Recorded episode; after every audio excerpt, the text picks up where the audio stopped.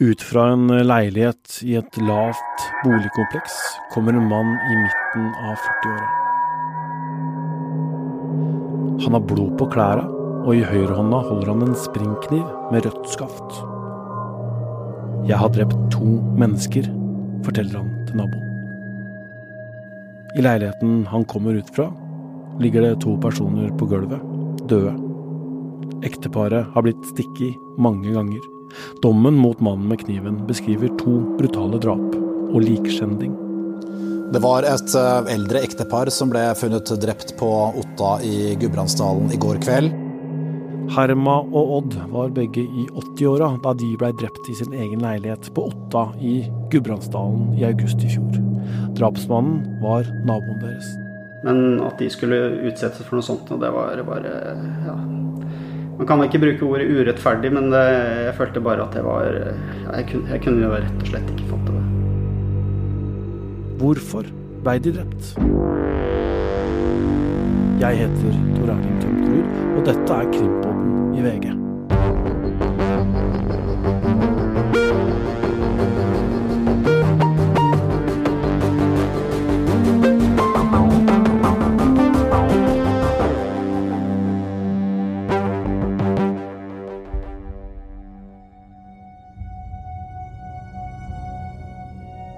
Det er på tampen av fellesferien, og på Otta i Sel kommune er det en relativt mild norsk sommerkveld.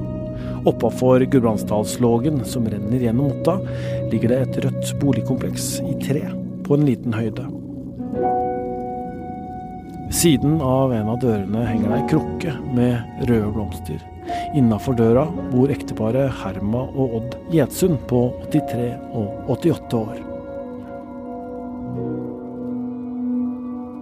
Bak en av dørene bortafor bor det en 46-åring.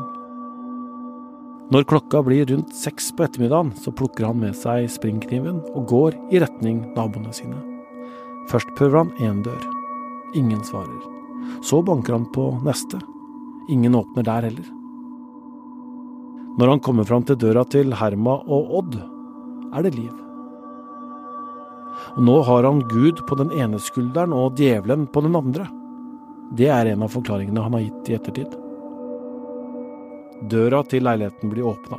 Han går inn, og etter noen minutter så lever ikke det eldre ekteparet lenger. Tilstanden de er etterlatt i, er beskrevet i dommen som grufull og rystende. Politiet blir ringt av både en nabo og drapsmannen sjøl, og når de kommer til stedet, så ligger mobilen til morderen på bakken og spiller klassisk musikk. De ser at han er helt tom i fjeset, stiv i blikket, viser ingen følelser.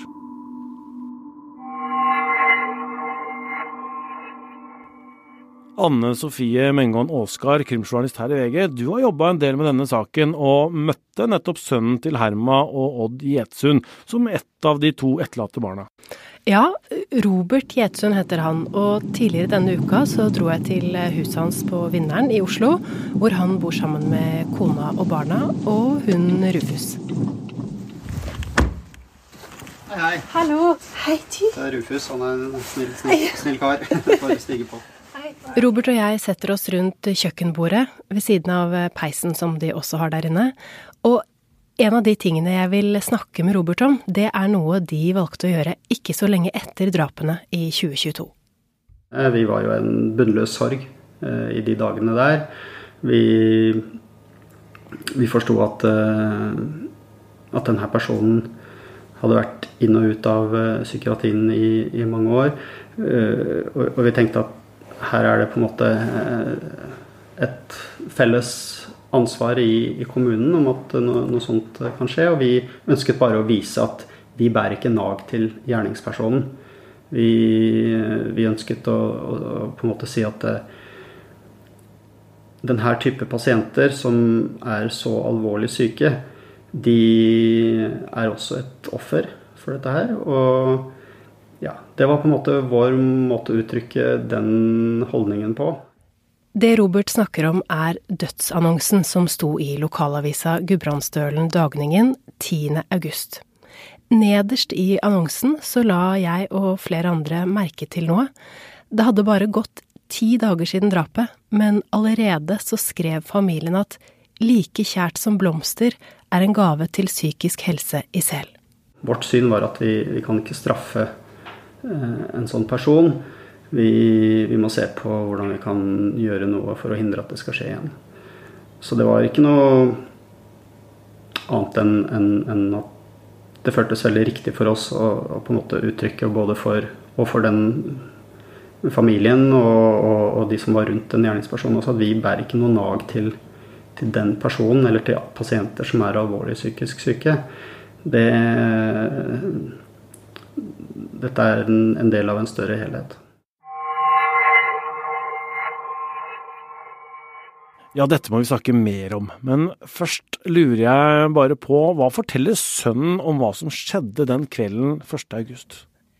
Kontrasten til det stedet hvor Robert var da det grusomme skjedde inne i leiligheten til foreldrene, er enorm.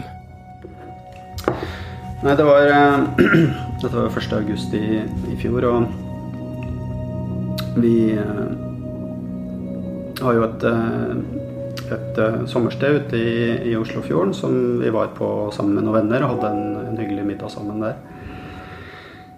Og så husker jeg at jeg fikk en tekstmelding fra søsteren min om at det var begått noe drap på Otta. Og så Vi var som sagt i et, i, et, selskap, så jeg reflekterte ikke så mye over det. Jeg bare sa nei, jeg har ikke sett det. Og så fikk jeg en melding rett etterpå og sa at jeg får ikke tak i mamma og pappa. Jeg prøvde å ringe dem. Og så hadde de nettopp fått seg nye mobiltelefoner, så jeg tenkte bare at det hadde vært litt problemer med å få tak i dem, og de hadde klart å sette det på stille, sånn at vi ikke hørte når det ringte. og sånt. Så jeg tenkte bare at det var sikkert noe med det. Så sa jeg kan prøve å ringe det litt senere. Og så, så prøvde jeg også å få tak i det uten å få respons, da. Og så Ikke i min villeste fantasi kunne jeg forstå at, eller tenke meg at de skulle være involvert i noe sånt. Så det var, bare, det var bare liksom ikke Kunne ikke fatte at det, de skulle være innblanda i, i, noe sånt. Men så gikk det jo noen, noen, minutter til, og så fikk jeg da en, en telefon fra politiet med den, med den, grusomme beskjeden. Ja, det kan jeg jo tenke at det var ja, Det var som hele verden bare raste sammen. Det var, det var rett og slett helt, helt ufattelig. Robert forteller at han var veldig glad i foreldrene sine, og de i ham og familien og de seks barnebarna de hadde. Uh, Mamma og pappa var de snilleste, beste, godeste menneskene man kan tenke seg. De, de gjorde ingen fluefortred, noen av de. de. Men at de skulle utsettes for noe sånt, og det var bare ja. Man kan ikke bruke ordet urettferdig, men det, jeg følte bare at det var Jeg kunne, jeg kunne jo rett og slett ikke fatte det. Så nei, Moren min var sykepleier, så hun jobbet uh, i, i Sel kommune i, som sykepleier i mesteparten av, uh, av livet sitt. Uh, som sagt, hun var et veldig snilt og beskjedent menneske. Hun var den som, som, tok alle de vaktene som ingen andre ville ha. Når det var helligdager og nattevakter osv., så, videre, så stilte hun alltid opp og var, var, var den som, uh, som tok, uh, tok, det. Og hun levde egentlig bare for andre. Hun satte seg selv alltid, alltid bakerst. Og og faren min, han, han var jo Han seilte utenriksfart hele karrieren sin. Han jobbet for et rederi her i Oslo. Uh, seilte verden rundt og tok med seg hele verden hjem til oss uh, barna i, i oppveksten. var veldig interessert i teknologi og ja, Til å være 80-80 år så var han jo han var helt oppdatert på alt som hadde med, med IT å gjøre, og hadde tilgang til alt av teknologi, nye PC-er, og er veldig interessert i, i alt som, som var på, på, den teknologiske utviklingen. Så det var alltid spennende å komme hjem og, og ha de pratene med han. Han er også veldig, veldig snill eh, person, og de to var egentlig, det var alltid de to sammen. De fant uh, mye glede i hverandres selskap. Etter det vi har lest av rettsdokumenter, så kan vi vel slå fast at for drapsmannen så var det helt vilkårlig at det blei eh, Herma og Odd. Men for familien er dette, som vi hører, det verste som kunne skjedd. Hva tenker familien om drapsmannen nå, da? Det er ikke tvil om at dette har preget Robert og familien. Ikke bare vet jeg at eh, foreldrene var helt tilfeldige ofre, men også måten det ble gjort på var helt grusom. Samtidig så skjønte Robert og familien tidlig at denne drapsmannen hadde et så forvrengt bilde av virkeligheten at han ikke skjønner på samme måte som du og meg eh, hva han egentlig gjorde. Rett og slett umulig å, å fatte. Samtidig så vet vi at dette her var fullstendig tilfeldig. I den forstand at uh, de bodde i samme nabolag, men han, gjerningsmannen han banket opp på to andre dører før det var noen som åpnet. Hadde det hadde vært noen hjemme der, så kan det hende at det var noen andre som hadde lidd den skjebnen som de, de fikk. Så det viser jo bare hvor ja, fullstendig meningsløst alt sammen var. Så, så, det er mange fasetter i den saken her, men det koker veldig fort ned til at jeg Jeg ønsker at ingen andre skal oppleve det som jeg har opplevd. Eh, I hvert fall færrest mulig. Og jeg tror akkurat nå mener jeg at det er altfor mange som, som, som, får den opplevelsen. I, I, de siste årene så har det vært eh, Skal vi se eh, Tallet så akkurat her. Altså fra perioden 2014 til 2021 så er det begått 4, 144 eh, drap i Norge, og 134 av de er begått av alvorlig psykisk syke personer. Og det mener jeg tallet er altfor høyt. Eh, det, det, må kunne gå an å få ned. Så det er på en måte målsetningen med å ha den samtalen her, og det er det egentlig jeg ønsker å Forhåpentligvis få noen som kjenner på et ansvar da, til å stå frem og kunne debattere hva kan vi gjøre. Ikke så lenge etter drapet så kom det fram opplysninger om hvor psykisk syk denne gjerningspersonen var, og hans kontakt med psykiatrien. Og det endte med at statsforvalteren åpnet en tilsynssak som skulle finne ut om 46-åringen fikk god nok hjelp og oppfølging fra Sykehuset Innlandet og Sel kommune. Og i februar i år så kom konklusjonen. Hjelpen var forsvarlig og i tråd med god praksis, som de skrev. Og jeg spurte Robert om hvordan det føltes å lese det. Så For å svare på spørsmålet ditt igjen, altså det var rett og slett en eh, Så jeg holdt på å miste, miste pusten. Jeg kunne, jeg kunne, ikke tro det som sto der. Og jeg ble dobbelt Det var på en måte som å miste foreldrene mine på nytt. Så det var, eh, det var på en måte det som tente litt engasjement i meg også. Statsforvalteren har svart Robert Jetsund, og til VG skriver de at de har medfølelse for de etterlatte, og forståelse for spørsmålene om gjerningsmannen hadde fått nok hjelp i forkant. De sier at deres vurdering var at helselovgivningen ikke blei brutt. De sier at pasienten blei lagt inn i forkant av drapene, og at voldsrisikoen blei vurdert som ikke forhøya da han blei skrevet ut. Tilbudet pasienten fikk under innleggelsen på Lillehammer, inkluderte samtaler og miljøterapeutiske tiltak, skriver de. For det, det, engasjementet du nå har for arbeidet med psykisk helse, og også det som dere skrev i dødsannonsen mm. um, har, det vært, har, det vært, måte, har det vært noe dere har brent for også før, eller har alt det kommet etter denne hendelsen? Nei, det, det mesteparten har kommet etter denne hendelsen. Det, det, har det. Det er ikke noe vi har, uh, har vært engasjert i, i tidligere. Uh, men vi forsto jo veldig raskt at denne personen var, uh, var syk. Og for oss så føltes det veldig naturlig å si at når det bor så syke personer i, i, i, denne kommunen, som var hjemkommunen eh, vår under vår oppvekst, og, og som var foreldrene våre sin, eh, sin, sin, kommune, så det å kunne prøve å hjelpe til ved å, å, å vise at eh, vi bryr oss om, om det, det var, det var, helt naturlig for oss. Jeg, jeg mener at det bør en større vurdering til om praktiseringen av helse- og omsorgstjenesteloven er bra nok i Norge i dag, og den, eh, om den praktiseres på en forsvarlig måte. Jeg stiller meg tvilende til det basert på både denne saken, men også det jeg har sett om andre saker vi har hatt i Norge de siste årene. Det at uh, drapsmannen til uh, foreldra hans var alvorlig psykisk syk, er jo det som har fått i gang engasjementet til uh, Robert. Men veit vi noe om hvor syk denne naboen var? Da det var rettssak mot drapsmannen i våres, så sa psykiater Terje Tørresen, som hadde vurdert gjerningspersonen, at han var kjempepsykotisk da han begikk drapene. Retten konkluderte med at disse grusomme handlingene vanskelig kunne ha blitt gjennomført av en person med normal virkelighetsforståelse. Drapsmannen har slitt psykisk i over 25 år, med diagnosen paranoid eh, schizofreni. Den har til dels vært holdt i sjakk gjennom medisiner, men helsepersonell har sagt at han har hatt tvangstanker og selvmordstanker i tiden før eh, drapene. Det er eh, ikke noe motiv for drapene annet enn tvangstankene hans om Gud og djevelen, og drapshandlingen har han også kalt et rop om hjelp.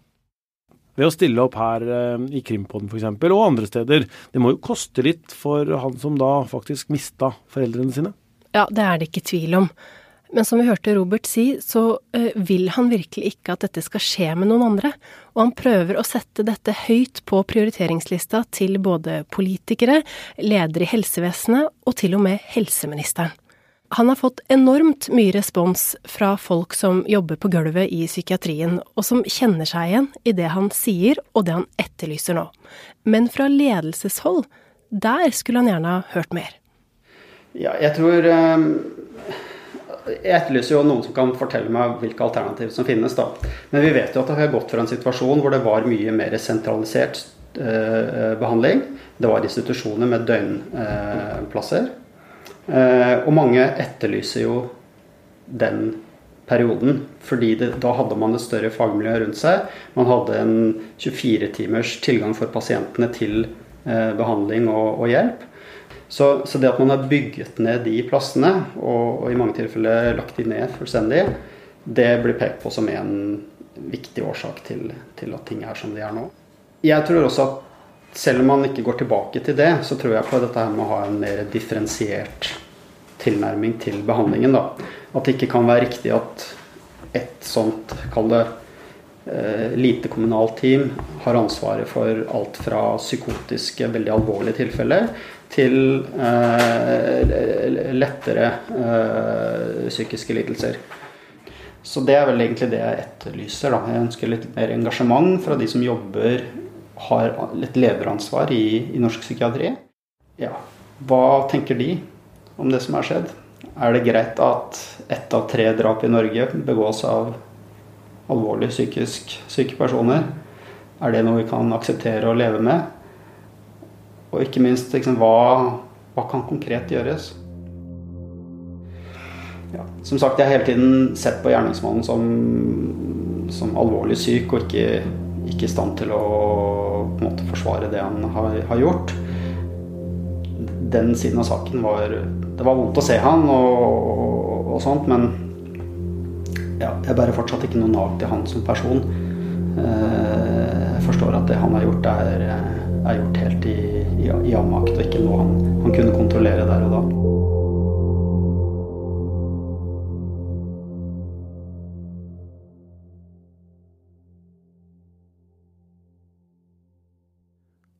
For bare noen uker siden sa statssekretær Carl Christian Beking i Helse- og omsorgsdepartementet til NRK at det definitivt trengs en debatt om dette. De erkjenner altså at det er utfordringer her. Det handler om både ressurser, men også mangel på fagfolk og det å bruke fagfolk riktig, sier han til NRK. Og viser til at regjeringen har slått fast at nedbyggingen av døgnplasser i psykiatrien skal stoppes. Dessuten kommer regjeringen med en opptrappingsplan på dette feltet og lover mer penger.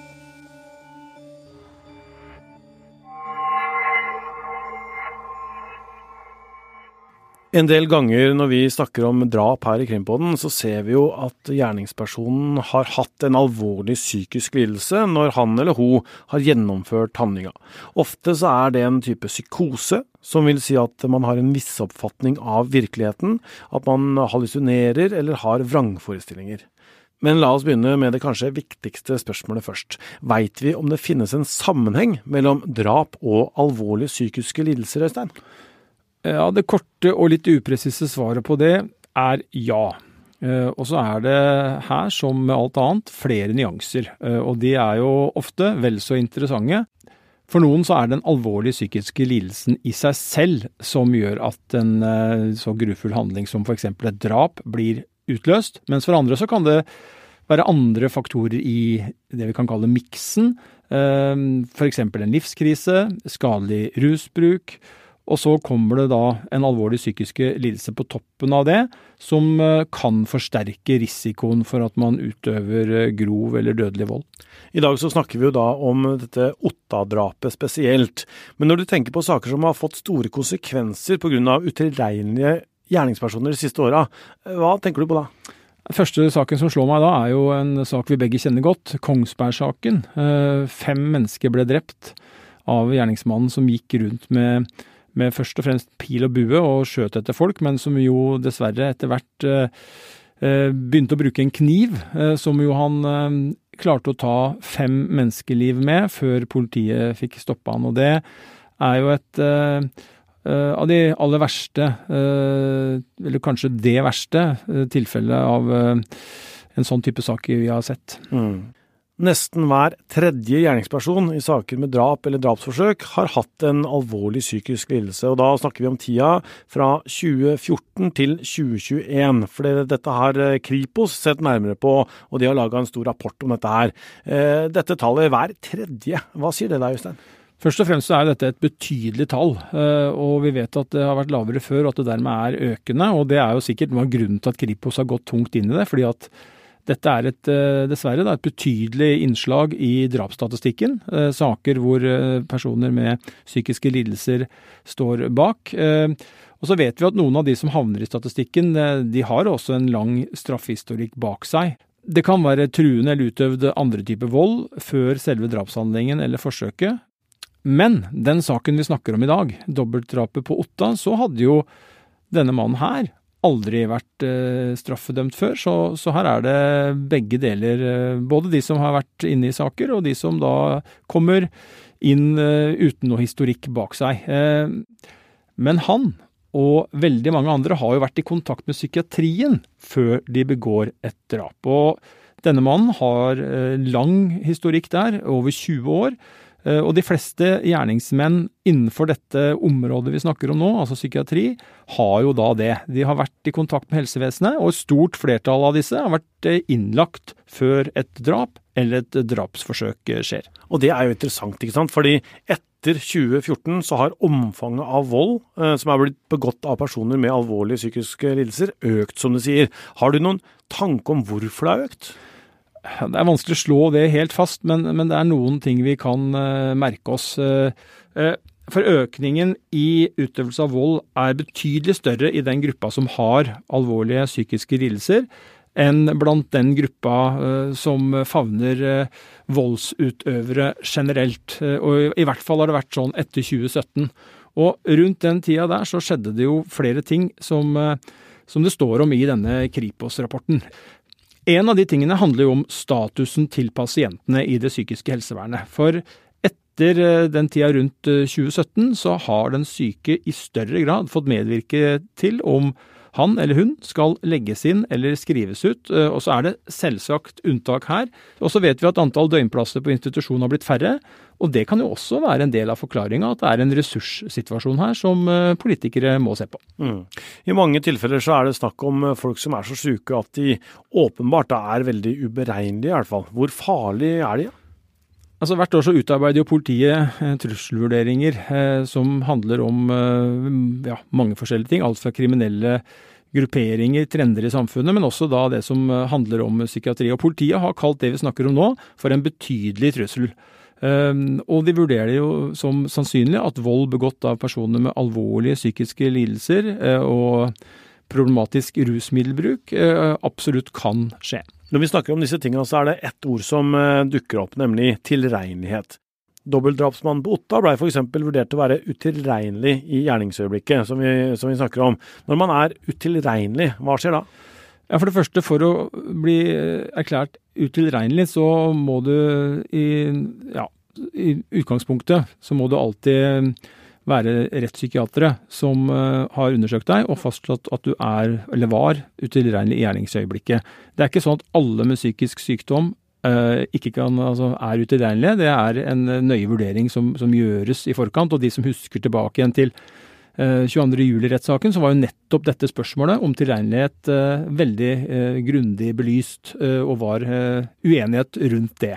Men hvis man da skal kunne straffes, så må du ha en skyldevne, som det heter. Og hvis man har da en sykdom eller noe akutt som gjør at du har en forvrengt oppfattelse av virkeligheten idet du begår den kriminelle handlingen, så kan det hende at man da ikke har denne skyldevnen. Det kan være snakk om betydelig psykisk utviklingshemming. Eh, det kan være at du faktisk går i søvne eller en slags transe, så du ikke vet eh, helt sånn per definisjon hva du gjorde.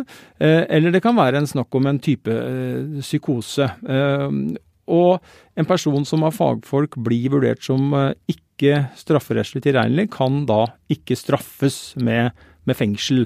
Men da kommer det andre tiltak inn i stedet, og da handler det om det vi har vært inne på allerede. For å beskytte samfunnet, så kan da en person som blir erklært utilregnelig, dømmes til tvunget psykisk helsevern. Altså at man bruker da den tvangsmuligheten i i psykiatrien. Eh, og det er jo da tilfellet i den saken på Otta som vi snakker om. Du må legge til at uh, selvpåført rus, da mister du ikke skilleevnen? Det er riktig. Så det er viktig å ha det med seg at det er, eh, det er, mange Det er veldig mange Det er et komplisert felt med mange faktorer, og det er derfor man da har rettsoppnevnte sakkyndige som skal være eksperter på å gå gjennom dette her. Og det er jo også av og til sånn at noen eh, påberoper at de mente at de var eh, psykisk syke og vil ha straffritak av den grunn. Og, og, da er jo jobben til psykiaterne å finne ut av om det du sier er riktig eller ikke riktig. Og eh, ja, avdekke om du forsøker å, som noen har gjort opp igjennom, å, å lyve på seg en, eh, en, en, eh, tilstand som gjør at du skal slippe straff. Så, så det er et krevende fagfelt med et viktighet i, i norsk rettspleie. Mm. Og så er det jo et eh, annet viktig, men ganske skremmende spørsmål da, som, som, jeg må stille. Er det egentlig mulig å unngå denne type vold, som er begått av personer med alvorlige psykiske lidelser? Svaret er dessverre nei, eh, tror jeg. Eh, og så kan man selvfølgelig gjøre noe, mye, eh, alt ettersom hvilken innsats man retter inn mot det, for å få tallet så langt ned som mulig, mot null. Men det er så mange andre trender i samfunnet du får aldri null trafikkdrepte, tror jeg, dessverre. Du får aldri null narkotikadødsfall, dessverre. Og jeg tror det er det samme med, med psykiatrien, at man skal ja, man skal regne med at det er bortimot umulig. Men det er klart man kan, man kan, gjøre så mye som mulig for å få tallet så lavt som, som det går. Og da er disse faktorene vi snakka om nå, rundt tilbudet innen helse, psykisk helsevern, det tror jeg helt opplagt har noe å si dette med døgnplasser, ressurser i helsevesenet, også innen psykiatrien, den såkalte samtykkekompetansen til å velge behandling eller ikke. Ehm, og så viser det seg jo da at noen av gjerningspersonene så har man sett en forverring i sykdommen i tida før drapet eller forsøket, eh, eller sett at de har møtt andre kriser i livet. Og da er det jo Utfordrende, ja, men selvfølgelig et mulighet for å forhindre ting øh, ved å avdekke og være på øh, når man har personer som, som, kommer i disse situasjonene. Og hvis de fra før har vært i kontakt med helsevesenet, så kan man jo stille spørsmål om nettopp det, da. Om man burde ha sett, burde ha skjønt og kunne ha plukka opp da de mest potensielt farlige. Og så skal vi legge til med en gang og si at det er selvfølgelig krevende jobb, og, eh, og, det er ikke godt å si eh, vanskelig å avdekke hvem som eh, kapable til å begå så grufulle handlinger som vi snakker om da i, i Otta-saken. Og der har jo også fagpersoner sagt at man har slitt, altså denne mannen, da, med tanker om å gjennomføre drap i et, titalls år. Men at det har blitt vurdert som en tvangstanke mer enn et voldspotensial. Og i og med at det gikk såpass lang tid da, uten at noe skjedde, så, og han var grei og samarbeidsvillig, så trodde man jo at ja, dette så ut til å være under kontroll. Uh, og så er det jo uh, problemet, da, at dette med utilregnelighet, det er jo, og det sier seg jo sjøl, noe ukontrollert. en del av denne type drapsmenn eller -kvinner holder seg av og til for seg selv, isolerer seg. dessuten så vil det bety at man må inn med veldig inngripende og tvangsmessige tiltak eh, for en del, dersom man skal sikre samfunnet enda mer enn i dag. Så det blir en balanse. Har sagt med andre ord så kan man ikke på en måte bure inne alle for sikkerhets skyld. Nei, det er et dårlig prinsipp. Er, for det er viktig også å si at det er jo ikke sånn på langt nær at alle som sliter med psykiatriske problemer, psykiske problemer, har en psykiatrisk diagnose, også alvorlige, det er jo ikke sånn at på langt nær alle er farlige. Eh, det er det aller, aller færreste.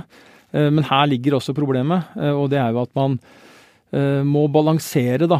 Og tvangsinngrep, inngripende tiltak opp mot vurderinger av hvem er det som faktisk har da den voldskapitalen som dessverre denne mannen på Otta hadde.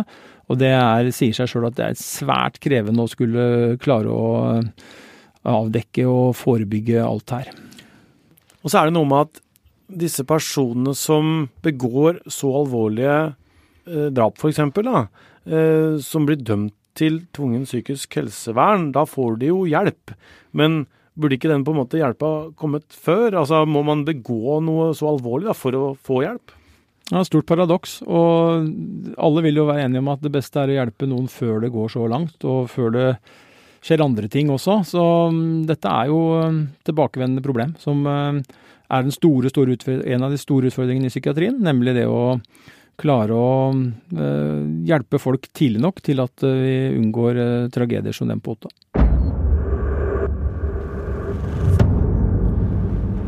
Denne episoden er laga av Ruth Einevold Nilsen og Anne Sofie Mengon Aasgard og du har hørt klipp fra Dagsrevyen i NRK. Vi har lest dommen mot gjerningsmannen, brukt beskrivelser som kom fram i retten, og Kripos sin rapport 'Vold begått av personer med alvorlige psykiske lidelser', som kom i fjor. Krimpoddens redaksjon består også av Hanna Espevik og Guro Mjeltevik Halvorsen. Krimkommentator Øystein Milli var med. Vilde Worren er vår produsent. Nyhetssjef er Emilie Hall Torp, og jeg heter Tor Erling Tømt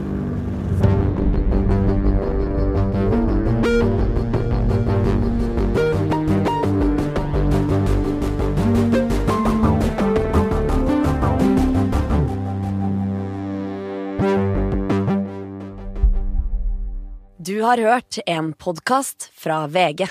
Ansvarlig redaktør, Gard Steiro.